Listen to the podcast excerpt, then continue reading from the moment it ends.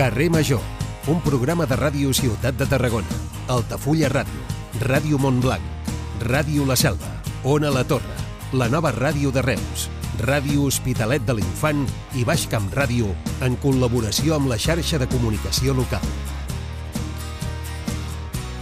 Hola, bona tarda, benvinguts a Carrer Major, benvinguts en aquesta nova edició del programa que fem 8 emissores del Camp de Tarragona. Avui, edició 1168 d'aquest eh, programa territorial que fem a través de la xarxa de comunicació local.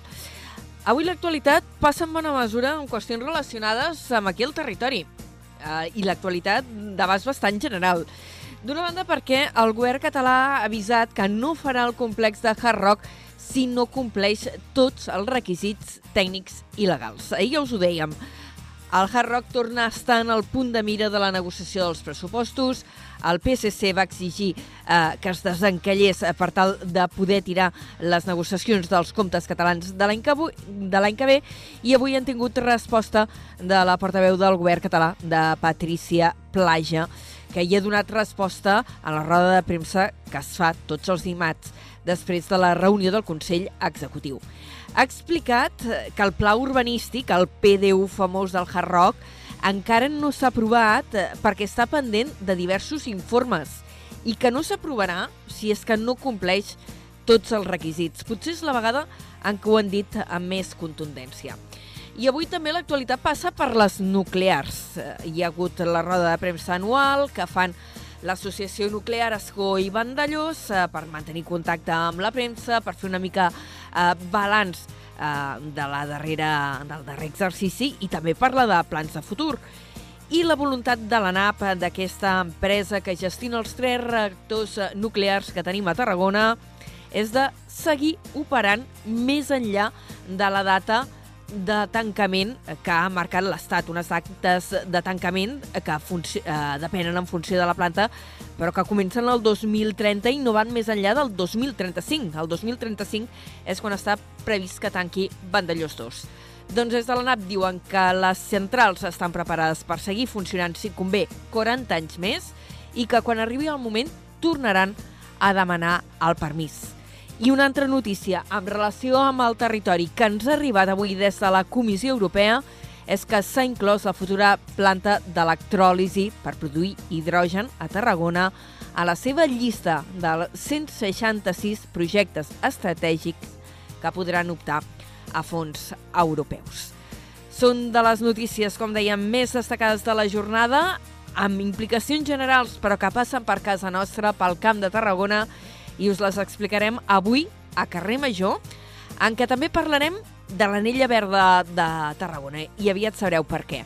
Això és, com dèiem, Carrer Major, som les emissores del Camp de Tarragona i us acompanyem des d'ara fins a 6 tot l'equip que fem aquest programa.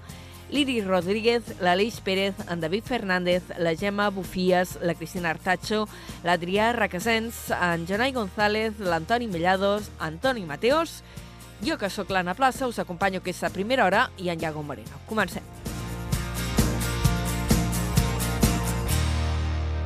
Carrer Major, Anna Plaza i Jonai González.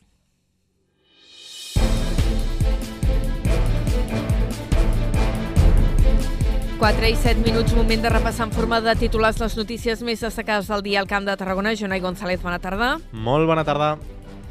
El govern català avisa que no es farà el complex del Hard Rock si no compleix tots els requisits tècnics i legals. La portaveu del govern, Patricia Plaja, s'hi ha referit en la roda de premsa posterior a la reunió dels dimarts del Consell Executiu. Plaja ha respost d'aquesta manera al PSC que ahir dilluns va tornar a posar el desencallament del pla urbanístic del macrocomplex turístic per donar suport als pressupostos de la Generalitat de l'any vinent. L'Associació Nuclear Escó Vandelló, responsable de les tres plantes atòmiques del nostre territori, farà els tràmits per seguir operant els reactors més enllà de la data d'aturada prevista per l'Estat. A més, confien que el 2027 estaran llestos els nous magatzems temporals individualitzats per emmagatzemar els residus nuclears i poder seguir funcionant. La Comissió Europea ha inclòs la futura planta d'electròlisi per produir hidrogen de Tarragona a la seva llista de 166 projectes estratègics que podran optar a fons europeus. També hi figura la canonada H2Med, que servirà per transportar hidrogen entre la península Ibèrica, França i Alemanya. Projectes eh, relacionats amb la transició energètica, com també el que plantegen ara les empreses químiques de casa nostra, que plantegen construir magatzems geològics soterranis de CO2 a Tarragona. L'Associació Empresarial Química de Tarragona i les companyies aposten per convertir la demarcació en un hub de descarbonització de la indústria.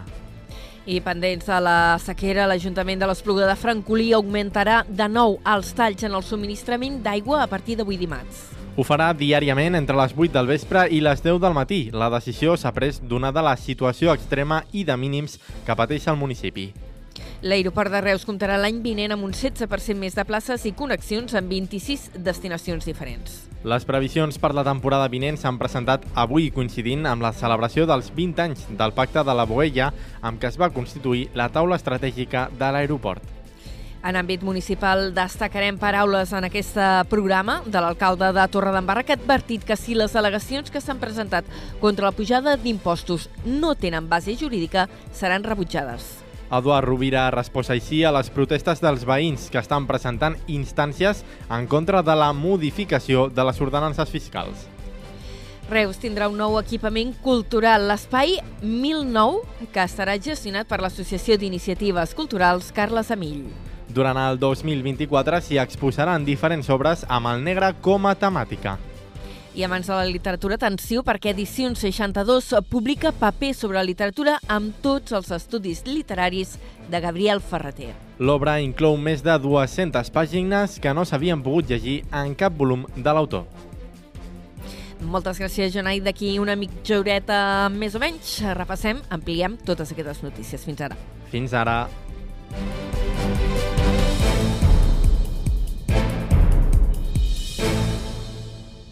Carrer Major. Toni Mateos.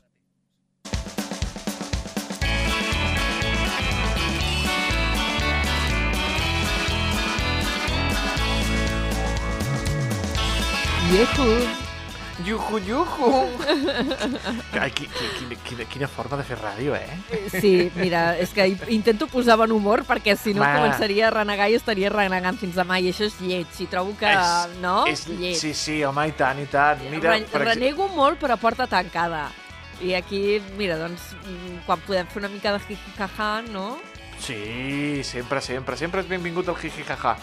Hem de fer jijijaja, per, per exemple, pels companys de, de periodistes de- d'aquí de, Ràdio La Selva, perquè Què? porten des de les 12 Sí? a, a, en ple. Què els hi ha passat? Estan en oh, un ple. Déu, pobrets. Són les 4 de la tarda i encara no han donat senyals de vida. Els acompanyo en el sentiment, eh? Ostres, que els plens poden ser molt durs. Molt de, durs. de seguir, eh? Perquè a més has d'estar hiperconcentrat per treure'n tota l'essència. Mhm. I demà també hi ha ara ple de pressupostos a Tarragona, que també serà a la tarda. Eh, quan acabi Carrer Major podeu empalmar amb el ple, eh? perquè em sembla que comença a les 6. Déu meu apassionant, apassionant. Saps el que m'agradaria fer un dia? Com que què? estem en llocs tan diferents, perquè Sí. entre la Selva i Torredembarra, jo diria que amb la tonteria potser 50 quilòmetres ens separen, eh, Toni 40 Mateos? pico llargs, sí, segur, segur. 40 i pico llargs. Hauríem de Ah. fer un dia en plan picapiedra. Vilma i Pedro. Anar jo cap allà i tu cap aquí? No, home, no, cridar-nos, saps? Allò, Ah, Vilma! Te'n recordes? De... Sí, home, i tant. A veure, si tu Pedro! puges, si tu puges al campanar de, de, de Torredembarra i jo pujo aquí al campanar de la Selva, cridem, Doncs mira. perquè i avui parlarem de campanars. Ah, sí, parleu de campanars, què m'estàs dient? Sí, mira, parlarem Vinga, va. del campanar més alt de Catalunya, que és el campanar de Home, Valls, I que tant. està, sí, està en plena restauració. Doncs parlarem de la campanya que s'ha engegat, una campanya, una campanya que es diu Ara toca el campanar. Molt bé. Parlarem amb, amb un historiador i l'encarregat de la restauració del campanar. I que us expliquin com s'han escardat les pedres des de dintre, eh? que em sembla recordar que quan van començar els treballs ho explicaven, que mm, allò de... no sé si hi ha alguna part d'estructura ferro o alguna cosa, que, que ja, ja us ho explicaran, ja us ho explicaran. ja ens ho explicarà el, el Jordi París, que és el nostre convidat. Xavi Franco ens parlarà Home, és d'una camp- veritat, avui tinc Sí? convidat. Avui tenim el Xavi Molt Franco. bé. Eh, està, eh, eh, ho farà des de, des de casa seva. Ah, no, o sigui. Molt bé, val, no, no cal que pateixi per uh, tenir-lo a l'estudi, d'acord? No, no, no, no, no, no. A més a més, li han posat la vacuna de la Covid. Ah, pobret, i està tovet. altra- Ah, està tovet, sí. I ens parlarà d'una campanya que es va fer molt famosa, Anna. No sé si tu recordes allò de Amo a Laura. Sí, i esperaré hasta el matrimonio. matrimonio. Pues Sí. Això era una campanya de publicitat? Era una campanya Què publicitària. m'estàs dient? Jo pensava que era una colla de, de, de, de friquis, De sí. friquis. Doncs fliparàs perquè darrere hi ha gent molt, molt, molt poderosa. Ja veuràs, ja veuràs. Ostres. Ah, per cert, va, parlant de publicitat, vas veure ahir, que això vaig pensar, això li he de comentar, el programa de Buenafuente, a Tele3? Ah, al principi, al monòleg, principi. i, i després quan va sortir la noia a tocar el piano, eh, vaig marxar a llegir al llit. Doncs eh, vas perdre un moment estel·lar eh, que Sí? un senyor del públic va dir que era l'autor de l'eslògan més famós de la història. Saps quin eslògan era? Uh, la chispa de la vida. No, el algodón no, engaña. El algodón no engaña. Sí, senyor. El Vinga, mayordomo va, de un dia li Ten. direm al Javi que... El mayordomo de Ten. Ostres, el sí, sí, sí. mayordomo, sí, sí, el algodón El mayordomo no de. Ten. El content con bioalcohol. El algodón no engaña. Pues mira, avui parlarem d'Amo de Amo a Laura. Amo a Laura, Tinc- vinga. Amo a Laura. Tindrem ODS, eh, parlaran amb el GPEC per parlar de les activitats que organitza l'entitat, banda sonora del camp i la furgoneta s'anirà a parlar amb l'estrena del documental dels 30 anys de la banda d'Unió Musical de Tarragona. I tant, Parlarem amb el president, amb l'Albert Baiget, amb el, el, el, els 30 anys de la BUMP. de la BUMP. BUMP. per tant, tot l'any celebrant-ho, doncs a veure aquest documental que, que ens prepara. I tant. Toni Mateos, tot això serà a partir de les 5. Abans parlarem d'altres coses i ja us explicarem quines. Gràcies i fins després, company. Vinga, fins ara, Anna. Adéu. Adiós. Cada tarda de dilluns a divendres fem parada a Carrer Major.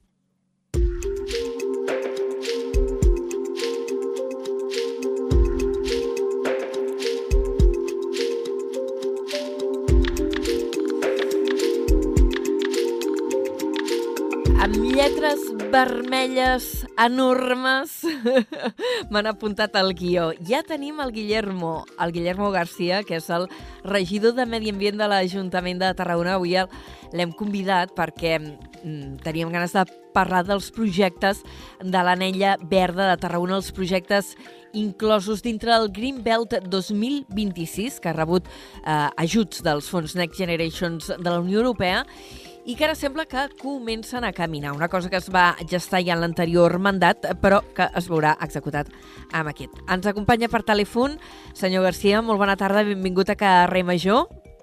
Hola, bona tarda, Anna.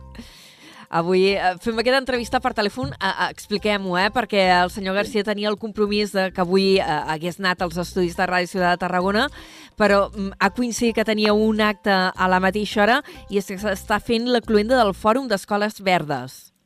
Sí, la veritat és que ha sigut un matí molt maco on diverses escoles de... Bueno, una desena d'escoles de secundària de, han, han fet projectes i han conegut entitats de, que consciencien sobre la cura de la biodiversitat del nostre entorn i també han fet un mercat d'experiències. Bé, ha estat, ha estat molt xulo i, i bé, fa breus minuts acabàvem la, la, la cluenda i ara ja estic aquí.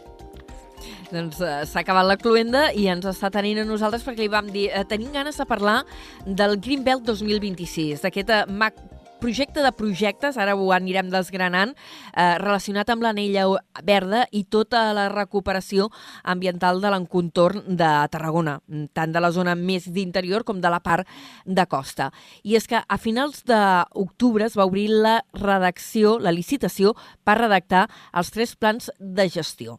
Això és molt tècnic. Expliquem què vol dir. És a dir, ara heu obert el procés per contractar la redacció dels projectes. Com, com va això? Sí, um, el, el, el, una de les, de les grans uh, sorts que hem tingut aconseguint aquest pla eh, del Green Belt, aquests fons, vaja, és que eh, redactarem els plans per què, què volem ser de grans a, a l'hora de la cura de la nostra biodiversitat. Per tant, eh, aquestes licitacions el que marquen és, per un cantó, eh, el pla de gestor i urbanístic de, de l'Anella Verda, el pla gestor del litoral i eh, el pla gestor i executor, en aquest cas, del riu Francolí, no? que eh, així tindríem una mica tota, tota la, tota l'entorn tarragoní natural doncs, eh, englobat en, en, aquests, en aquests projectes que ara eh, planificarem. Uh -huh. eh, perquè el macroprojecte de Greenbelt 2026 va aconseguir un finançament ja, ja l'any passat, eh, de 3,6 uh -huh. milions d'euros de, dels fons Next Generation. Entenc eh, que per aconseguir aquests diners l'Ajuntament hi havia hagut de presentar un projecte. Ara el que s'està fent és la concreció de com serà cadascuna d'aquestes parts? Exacte. A l'anterior consistori el que va, el que va elaborar és, és un gran pla eh, amb, amb l'històric de tantíssimes entitats, eh, tècnics eh, mediambientals, eh, agrònoms, que, que, havien, que, no, que, que, que pensaven no, com, com tindre cura. No? Llavors, hi havia projectets aquí i allà i van ser capaços de, d'afilar l'agulla i d'unir-los en tot aquest projecte. I llavors el que estem fent ara és, sí, principalment, eh, veure com es concretaran. No? Uh, N'hi ha alguns de, de, de que, que, que, no són tant de, de plans, sinó que, per exemple, el francolí sí que és eh, la intervenció que hi haurà al francolí, o la que hi haurà a la, a la platja del Miracle, no? aquestes seran molt concretes. No? Però després el que permetran aquests plans, no? eh, aquests fons seran veure no? doncs, doncs cap on hem d'anar no? I, i quines línies hem de seguir per tal que les masses forestals es mantinguin eh, sanes, per tal que hi hagi un control de eh, la fauna i la flora de, del nostre municipi, no? I, i fins i tot també arribant a, a també els impactes mediambientals, no? Eh, fer un estudi del carboni de, de la ciutat, no? per saber doncs, eh, eh, quines partícules de, eh, hi ha en suspensió a l'aire, quina és la contaminació de CO2, en fi, no? aquestes coses que, que també doncs, eh, cal mesurar i cal controlar de cara a reduir el nostre impacte sobre, sobre el medi ambient. Mm. Eh, ja ho dèiem, aquest és un projecte que ve del mandat anterior, en què hi havia un govern diferent, eh, amb la regidoria, la Conselleria de Medi Ambient, que estava llavors en mans de la CUP. Ara hi ha hagut un canvi eh, de govern eh, amb, amb el Partit dels Socialistes al capdavant de l'Ajuntament de Tarragona no sé, eh, sé que el Partit dels Socialistes mm, combregava amb el projecte del Greenbelt, però no sé si teniu voluntat d'introduir canvis respecte al plantejament inicial que se n'havia fet. Doncs eh, el, el plantejament és, com tu dius, eh, combregàvem plenament amb aquest projecte i és, és plenament continuista. És cert que, eh, doncs, com doncs caldrà, com arribarem al detall, doncs hi haurà coses que, que es podran, que es podran bueno, allò llimar per un cantó i per l'altre, però el gruix del projecte eh, és, és el mateix. De fet, eh, seria bastant irresponsable que ens comencéssim a tocar moltes coses perquè no es pot jugar amb el tema de, dels, dels fons, s'han de complir els plaços, s'han de complir els cronogrames, o si no, corres el risc de, de perdre aquestes, aquest, aquests, aquests fons. No? Per tant, la veritat és que, que continuista, sí, es podria dir que és continuista. Uh -huh. uh, uns terminis, ara vostè ho deia, eh, que no s'hi pot jugar i que estan fixats. De fet, si el projecte es diu Greenbelt 26 és perquè mm, el termini per estar acabat uh, tot plegat d'executar és el 2026. És a dir, falten 3 anys, que dius, home, 3 anys és molt de temps, però en l'administració la maquinària és lenta. Ara esteu obrint la licitació uh, per redactar els plans no. concrets. Mm, com, ja, com ja, tenim ja, els ja calendaris? Acabat, ja s'ha acabat. Ja s'ha ah, ja s'ha ja acabat, ja l'heu tancada. Ja, això sí, vol dir ja, que ja, ja tenim empreses... Mm, expliqui'ns com, com està. Ah, sí, sí, exacte, exacte. Ja, ja hi ha empreses que s'han presentat a... Ui, perdó, eh, n'hi ha una que encara està oberta, que és la de el Pla Gestor Urbanístic de, del, de la Neda Verda, però tant del Pla del Litoral com el, de, el del Francolí, eh, aquests ja, ja hi ha empreses que s'han presentat, eh, estem a punt de, de, bueno, d'obrir els sobres per veure doncs, quina és la, les especificitats tècniques. Però bueno, que això eh, avança, no?, I, i, i és això. Eh, tenim com a termini el, el 31 de desembre de 2025, per tant, eh, ens queden dos anys per eh, finalitzar això, no? Llavors, perquè l'Estat eh, ens demana que el 31 de desembre estigui tot executat, eh, pagat i, i fet, no? Llavors, eh, doncs, bueno, estem eh, tenim els passos, eh, anem bé, però tot i així no ens podem relaxar. I com tu deies, l'administració a vegades és molt feixuga, per tant, eh, estem eh, treballant de valent per complir, per complir tot. Uh, això vol dir que ara d'aquí poc sabrem ja quines són les empreses que s'encarregaran de fer uh, la redacció d'aquests plans concrets per fer l'anilla verda, que encara encara esteu, encara hi ha termini perquè es presentin empreses, la renaturalització del riu Francolí i el litoral. És a dir, aquestes empreses hauran de fer la concreció, el detall de com han de ser aquests projectes de recuperació d'aquests espais? Sí, exacte, exacte. I en aquest sentit, eh, si abans parlàvem de la, la importància dels plans, Uh, un d'aquests que sí que serà bastant transformador i, i podrà, ho podrà gaudir la, la població serà el del francolí. El, el, el, el, pla del francolí, eh, que, que afecta a la llera esquerra de, del riu, aquest el que, el que permetrà és eh, l'obertura d'aquest gran espai a, a la ciutadania no? Al final... Uh, perdó, la, esperis, ara que estava intentant situar-me, llera re, a esquerra del riu, mirant a mar o mirant a... O mirant, mirant cap a mar, endins? mirant a mar. Perdoni, mirant a mar, mirant a mar. per tant, és la part més propera al centre de la ciutat, diguéssim.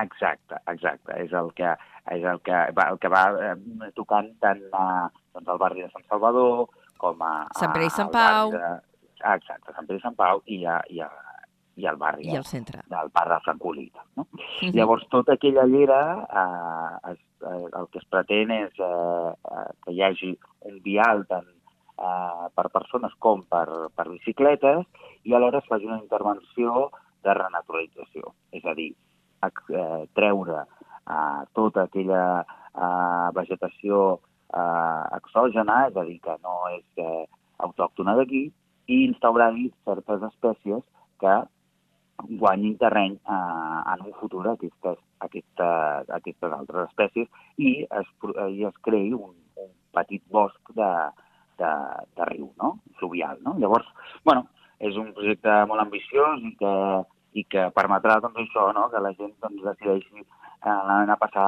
la tarda al riu o anar a passar un matí en bicicleta fins al Pont del Diable, en fi, no? que, que, que cobrim aquests espais naturals a, a la ciutadania i alhora que recuperem la nostra biodiversitat. Hi ha altres exemples d'altres ciutats que han recuperat lleres que eh, els hi apareixen eh, nous eh, animals que recuperen eh, molta, molta flora autòctona, no? i aquest és, aquest és l'objectiu del projecte. Doncs.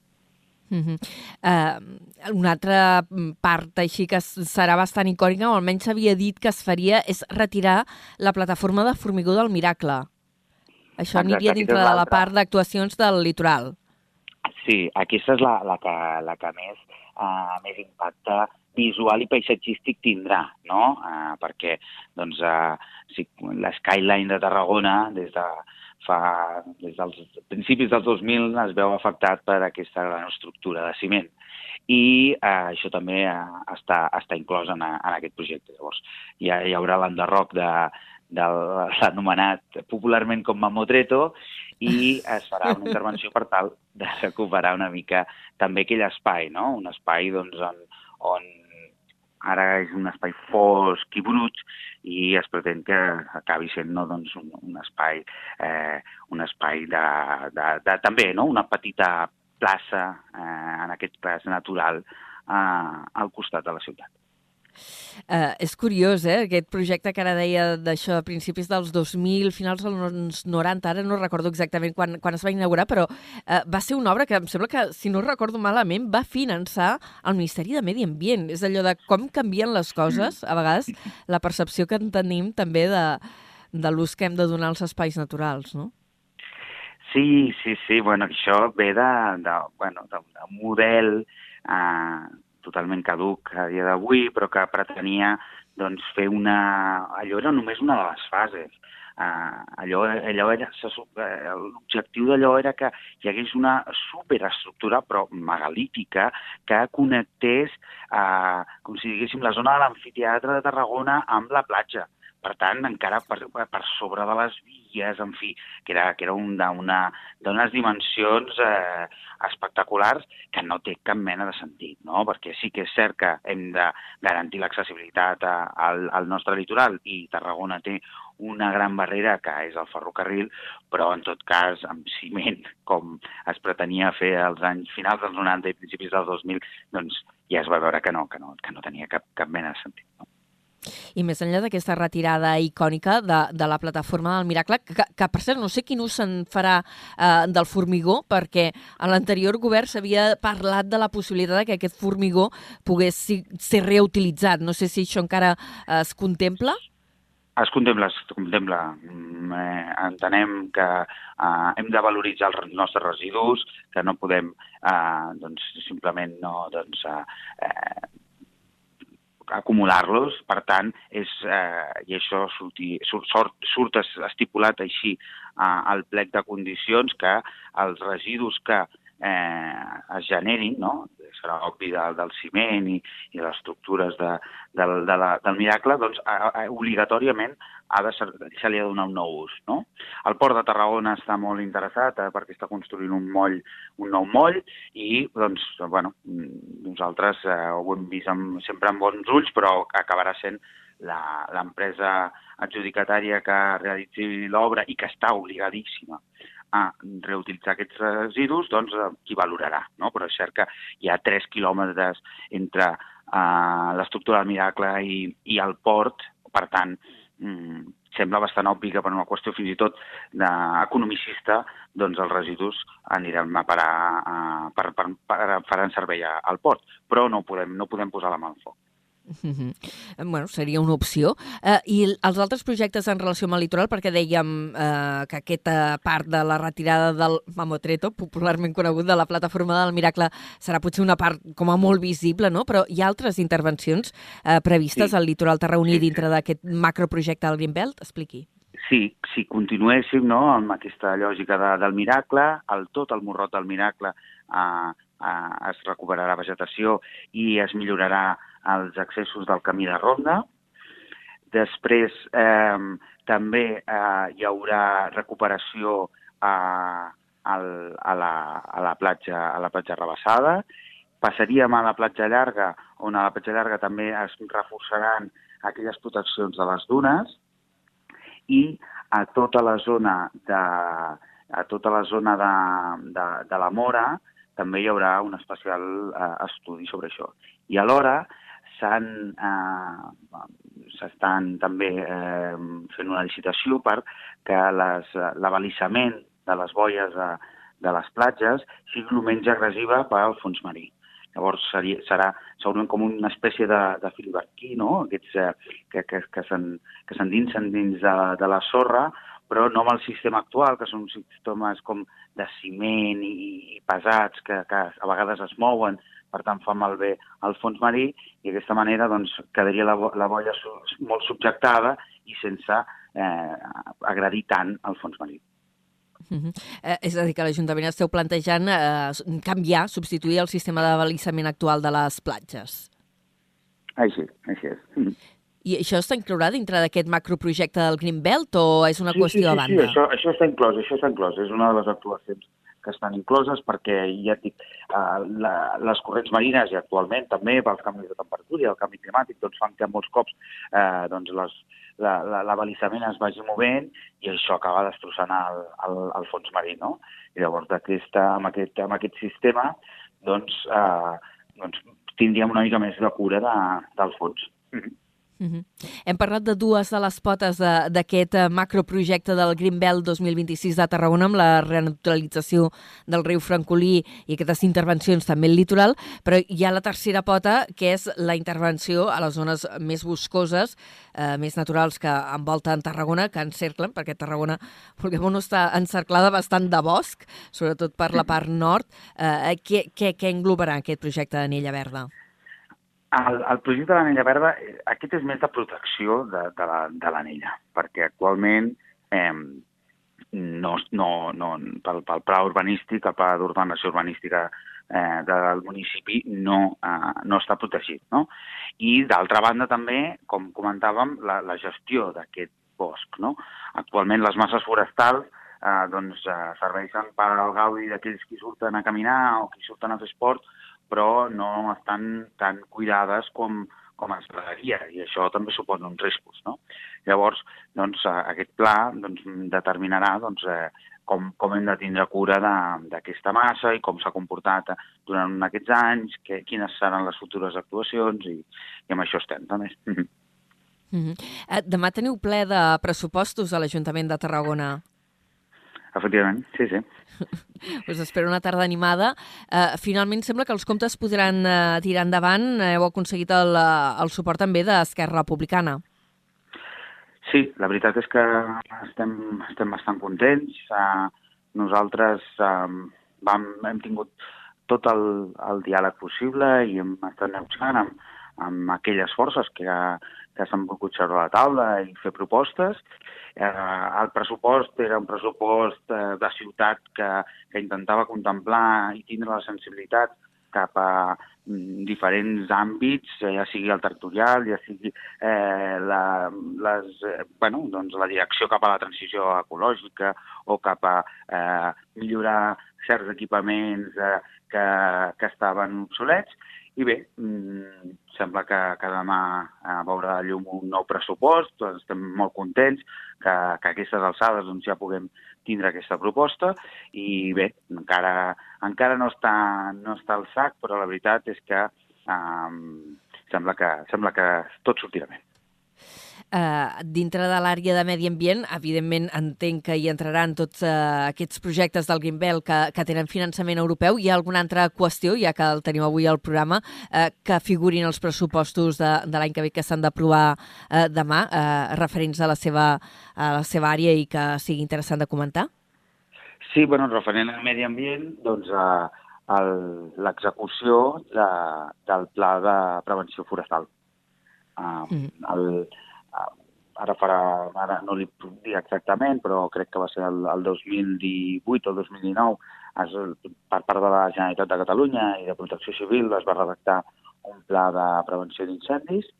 Aquest doncs, es va pressupostar, eh, s'ha consensuat tant eh, amb boscos, amb, amb bombers, amb, amb els departaments de protecció civil també, i aquí hi ha una part no, doncs, que eh, doncs és responsabilitat de, del municipi doncs, tindre cura d'aquesta infraestructura verda no? i aquesta prevenció dels incendis que també li comentava abans per parlar de, de l'anella verda.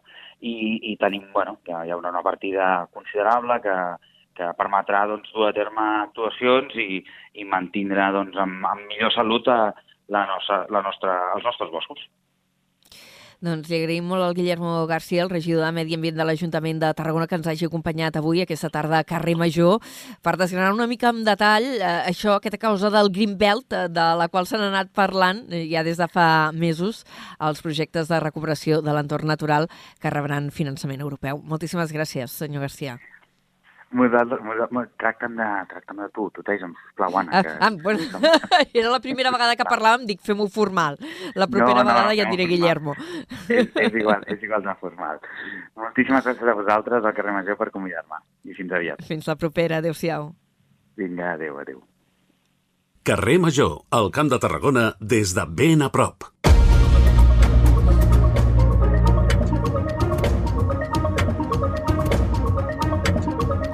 4 i 36 eh, minuts, feta l'entrevista a la primera hora, avui coneixent una mica aquests detalls de com serà l'anella verda a Tarragona. Adéu al Mamotreto, entre altres qüestions. Entrem ara en detall amb les notícies del dia. Jonai González, bona tarda de nou. Molt bona tarda de nou amb notícies avui transcendents que afecten el territori, però també tenen repercussió a nivell de país. El govern català avisa que no es farà el complex de Hard Rock si no compleix tots els requisits tècnics i legals. La portaveu del govern català, Patricia Plaja, Plaja s'hi ha referit en la roda de premsa posterior a la reunió dels dimarts del Consell Executiu. Plaja ha respost d'aquesta manera al PSC que ahir dilluns va tornar a posar el desencallament del pla urbanístic del macrocomplex turístic per donar suport als pressupostos de la Generalitat de l'any vinent. La portaveu del govern ha explicat que encara falten informes tècnics i que el Hard Rock només es farà si es compleixen tots els requisits. En el cas del Hard Rock saben vostès que eh, falten informes i aquest tema ho vam dir si es feia, si es farà, es farà bé, no es farà de qualsevol manera, com qualsevol altre projecte urbanístic que ha de reunir tots els requisits i totes les condicions necessàries. Uh, l'acord no és fer el hard rock, l'acord és que si es donen totes les condicions i en tots els requisits, doncs es tirarà endavant. En aquests mateixos termes s'ha expressat el director general d'Ordenació del Territori, Urbanisme i Arquitectura, Agustí Serra, en declaracions a Carrer Major. L'entrevista l'hem enregistrat avui per raons d'agenda i la podreu escoltar demà a partir de les 4 i 10. L'Associació Nuclear Escoven de Llos, responsable de les tres plantes atòmiques del nostre territori, farà els tràmits per seguir operant als reactors més enllà de la data d'aturada prevista per l'Estat, que està fixada entre el 2030 i el 2035 en funció de la planta. A més, confien que el 2027, d'aquí 4 anys, estaran llestos els nous magatzems temporals individualitzats que serviran per emmagatzemar els residus nuclears i poder seguir funcionant. Des de l'ANAP ja fa temps que treballen en aquesta infraestructura i ja han enviat al Ministeri les sol·licituds d'autorització i muntatges d'aquests magatzems temporals. De cara al 2024 també hauran d'atendre al·legacions als estudis d'impacte ambiental. El director general de l'Associació Nuclear Escó Vandellós, Paulo Santos, ha detallat el calendari previst. Eh, necesitamos tener un almacén temporal individualizado en operación en Vandellós 2, primero, eh, en abril de 2027 para seguir operando.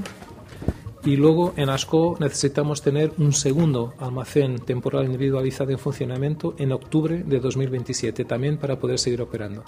La central d'Escó 1 celebra enguany els seus 40 anys de posada en funcionament. Santos ha assegurat que està capacitada per operar 40 anys més. Per aquest motiu, afirma que quan arribi el moment tornaran a demanar el permís per seguir funcionant, més enllà del calendari de tancament fixat per l'Estat. Trabajamos con toda la ilusión para que cuando llegue el momento podamos solicitar una nueva revisión periódica de seguridad que es el paso previo para obtener una nueva autorización de explotación para todos y cada uno de nuestros tres reactores. Pel que fa al futur dels treballadors, el directiu no ha volgut entrar en gaires detalls perquè s'està negociant el nou conveni col·lectiu. Tot i això, ha assegurat que un dels aspectes que més preocupa la plantilla és el seu futur, un cop s'aturin els reactors. La durada del procés de desmantellament s'estima en uns 10 anys. La Comissió Europea ha inclòs la futura planta d'electròlisi per produir hidrogen que es vol fer a Tarragona en la seva llista de 166 projectes estratègics que podran optar a fons europeus. També figura la canonada H2Met, que servirà per transportar hidrogen des de Catalunya fins a França i Alemanya. És la primera vegada que aquest llistat identifica projectes transfronterers i també iniciatives vinculades amb l'hidrogen.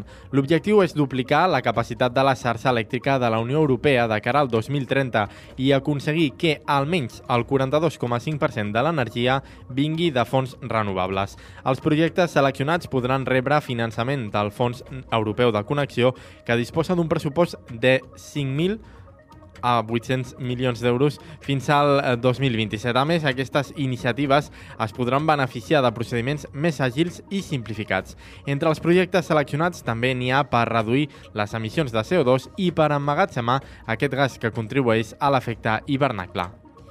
Precisament les empreses químiques del nostre territori s'estan plantejant construir magatzems geològics subterranis per poder amagatzemar el CO2. L'Associació Empresarial Química de Tarragona i les companyies aposten per convertir la nostra demarcació en un hub per descarbonitzar la indústria. Segons l'economista, Rapsol vol fer el primer projecte d'aquestes característiques de l'Estat davant la costa tarragonina. Malgrat el fracàs que va suposar el projecte Castor, les companyies defensen que aquesta tecnologia és segura i s'utilitza amb èxit a diversos llocs del món. El president de la EQT, Ignasi Canyagueral, defensa que la infraestructura estigui a Tarragona. O sigui, el que volem nosaltres, i això és el que estem dient amb el port, doncs, que aquí al port arribin aquests centres de, de, de captació de CO2 des del Canà, molins, etc. No? I això pugui estar aquí, després des d'aquí mirem si hi ha alguna empresa que ho farà servir, segurament estarà a la, a la indústria química a Tarragona. Um, I si, i si l'hem d'emmagatzemar, doncs bueno, busquem on és factible fer-ho. No? Llavors el que volem generar nosaltres a través del centre de descarbonització és aquesta infraestructura de país i volem que estigui a Tarragona. Creiem que té sentit que estigui aquí. El president de l'entitat ha remarcat que el país necessita eliminar aquest gas de l'atmosfera, investigar-lo i emmagatzemar-lo i ha recordat que països com Dinamarca, Noruega, els Estats Units o Canadà ja han començat a fer-ho. Segons el seu parer, guardar el gas aquí permetria a la regió guanyar en competitivitat. Tot i això, el president de l'entitat empresarial ha reconegut que el fiasco del projecte Castor no és un bon punt de partida. I hem de parlar d'ara de gestió d'aigua, de la sequera. De fet, l'Ajuntament de l'Espluga de Francolí augmentarà els talls en el subministrament d'aigua a partir d'avui dimarts. El consistori, a més, informarà cada setmana la ciutadania de les actualitzacions al voltant de la gestió de l'aigua. Ho farà diàriament entre les 8 del vespre i les 10 del matí. La decisió s'ha pres donada la situació extrema i de mínims que pateix el municipi. A més, han advertit que si se supera el màxim de consum d'aigua no es podrà garantir el subministrament continuat i caldrà augmentar les hores sense servei. El consistori ha explicat que la informació setmanal inclourà detalls sobre l'aportació d'aigua mitjançant camions cisterna, la quantitat de camions que s'han hagut de contractar, el preu d'aquests i també els nivells dels dipòsits municipals municipals.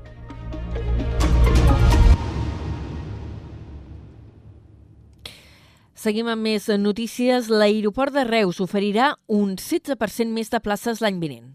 Així ho ha anunciat avui la taula estratègica de l'aeroport, la qual ha celebrat els 20 anys del Pacte de la Boella, signat per impulsar l'equipament reusenc. Ens ho amplia des de la nova ràdio de Reus, en David Fernández. Segons les previsions de la taula estratègica de l'aeroport de Reus, l'any vinent s'ofertaran un 16% més de places. Com a novetats, hi ha dues noves rutes de la companyia EasyJet cap a Londres, Luton i Manchester i nous vols charter des de Belfast i la República Txeca a Praga i per Dubais. A banda, es mantindran les connexions amb París, de Vueling i els vols a Palma d'Air Nostrum.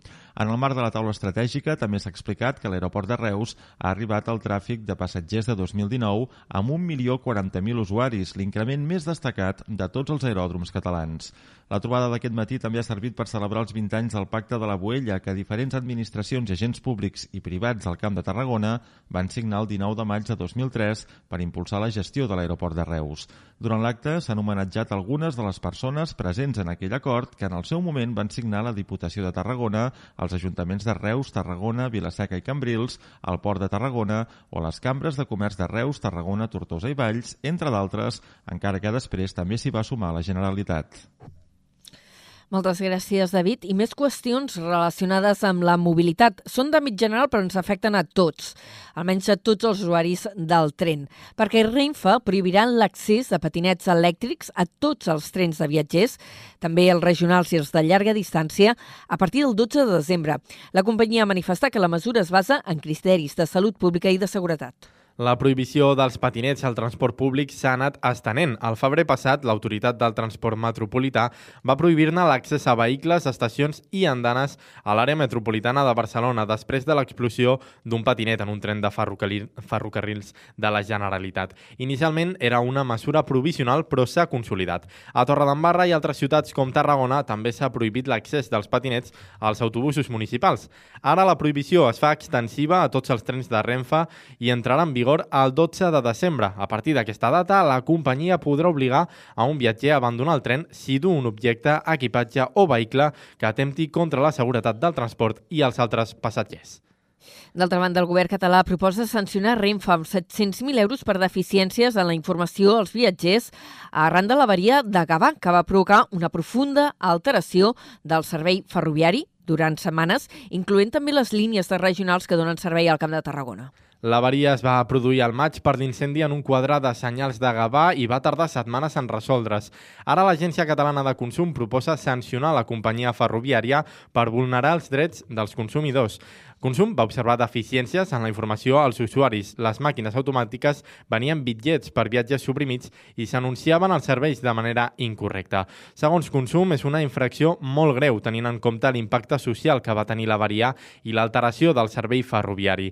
La multa que es proposa ara correspon a les deficiències que es van detectar a les estacions de Barcelona. Els expedients oberts a les estacions tarragonines encara continuen en tràmit.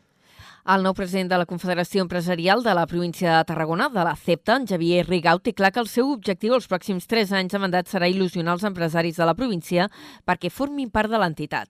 Rigau, que ocupa el càrrec des del passat 18 d'octubre, també assegura que posicionar-se políticament seria molt greu. En té més detalls la Cristina Artacho des de Ràdio Ciutat de Tarragona. Rigau considera que actualment hi ha un cert desencís per l'associacionisme. Pensa que els associats no li troben la utilitat. Com ha manifestat aquest dilluns al Bon Dia a Tarragona, segons Rigau, la utilitat recau en estar sota un paraigua en cas que hi hagi un problema. Ha afegit que sempre és important sumar forces al voltant d'una entitat. Diu que no es tracta només de tenir molts afiliats, sinó que aquests participin activament de la CEPTA. Sobre el moment polític actual, ha assegurat que la no es posicionarà. De fet, ho consideraria molt greu perquè la institució representa empresaris de totes les sensibilitats polítiques.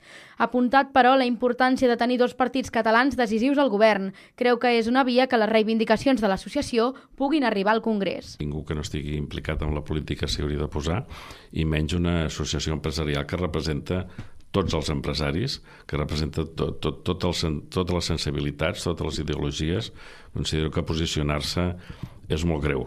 Aquesta és la meva idea. De fet, Xavier Rigau ha estat crític amb les pujades d'impostos dels ajuntaments i les considera un fet delictiu perquè ataquen directament les butxaques de la gent.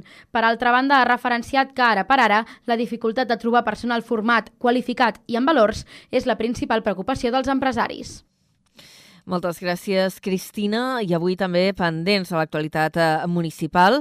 L'alcalde de Torre d'Embarra adverteix que si les al·legacions que s'ha presentat contra la pujada d'impostos no tenen base jurídica, seran directament rebutjades. Eduard Rovira ha respost així a les protestes dels veïns que estan presentant instàncies en contra de la modificació de les ordenances fiscals. Des d'on a la Torre ens ho amplia en Josep Sánchez. Rovira n'ha parlat en una entrevista al programa Carrer Major. Ha explicat que un cop aprovades inicialment, les ordenances fiscals estan ara en exposició pública i, com estan fent molts eh, veïns, s'hi poden presentar al·legacions.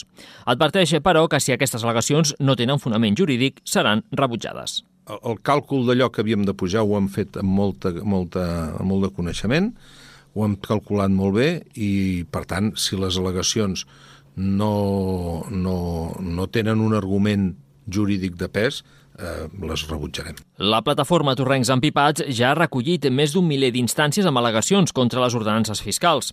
Els veïns i veïnes que protesten contra la pujada d'impostos i taxes asseguren que seguiran amb les accions de protesta amb l'objectiu que el govern faci marxa enrere i no augmenti la pressió fiscal. A Torredembarra encara pendents aquestes ordenances fiscals que s'han d'aprovar encara de manera definitiva a l'espera de resoldre aquestes al·legacions i a Tarragona eh, recordem que demà hi haurà el ple de pressupostos, un ple eh, que per qüestions d'espai es farà a la sala de plens no de l'Ajuntament sinó de la Diputació perquè la sala de l'Ajuntament encara no està habilitada per que torni a funcionar arran dels problemes que hi havia al sostre. I hem de parlar de recerca i d'un nom propi, propi destacat d'un dels centres de referència que hi ha a casa nostra, de l'ICIC, l'Institut Català d'Investigació Química. Parlem del professor Antonio Maria Echevarren, que ha sigut reconegut amb el Premi Rei Jaume I en investigació bàsica per les seves eh, eh, tasques excepcionals i la seva destacada investigació en el camp de la catàlisi fent servir or. Aquesta àrea és vital per al desenvolupament de metodologies sintètiques eficients. Les contribucions del professor Echavarren han obert noves vies per a la síntesi de compostos orgànics i complexos i també de medicaments. El rei Felip VI ha jurat avui a València aquest prestigiós premi al líder del grup de l'Institut en la cerimònia celebrada a la llotja dels mercaders. El guardó també està dotat amb un premi econòmic de 100.000 euros. Prop de 2.000 professionals sanitaris i universitaris es poden formar a les aules de simulació de, que la Universitat Rovira i Virgili ha obert a Tortosa. El campus Terres de l'Ebre compta des d'ahir amb l'innovador CISTE, un centre tecnològic amb màquines d'alta fidelitat. El centre disposa de diverses aules amb l'última tecnologia i tots els equipaments mèdics necessaris per fer simulació clínica. Un dels principals avenços del CISTE és l'hiperrealisme que ofereix gràcies a aquests maniquins d'alta fidelitat amb què s'ha dotat una dona d'edat avançada, un home de mitjana edat, un nen petit, una embarassada i el seu nadó i un altre nadó prematur. Fins ara ja s'han fet un centenar de cursos amb més de 1.300 professionals sanitaris i 400 estudiants universitaris i es treballa per obrir la simulació clínica clínica a altres disciplines com l'esport o la psicologia. El rector de la URB, Josep Pallares, ha remarcat que la universitat té ara una instal·lació amb la darrera tecnologia. Estem parlant de que tots els agents de l'àmbit sanitari, territorials, s'han coordinat per tindre una infraestructura de primera magnitud. No és només tindre manequís on poder fer proves, és tindre els elements el més actualitzats possibles. Pensem que estem parlant de tecnologia. La, la tecnologia evoluciona molt ràpidament i, per tant, tindre una instal·lació nova vol dir que tens ús i disponibilitat de la darrera tecnologia i això és el que li dona aquesta singularitat juntament amb la implicació territorial. A més dels maniquins hiperrealistes, també s'ha dotat amb pantalles i ulleres de realitat virtual, entre d'altres, per simular espais i entorns diferents al d'un hospital. I la URB eh, també eh, busca altafollenques d'entre 40 i 69 anys per participar en una recerca sobre el càncer de mama. Cal que les dones participants no hagin patit mai la malaltia i se sotmetin a un qüestionari que es durà a terme divendres vinent a l'Ajuntament. Des d'Altafulla Ràdio ens amplia la informació la Carol Cubota. El pròxim divendres, 1 de desembre, tindrà lloc a les dependències de l'Ajuntament d'Altafulla una enquesta en la qual es vol comptar amb la màxima participació possible. L'objectiu subal és contribuir a la investigació sobre el càncer de mama.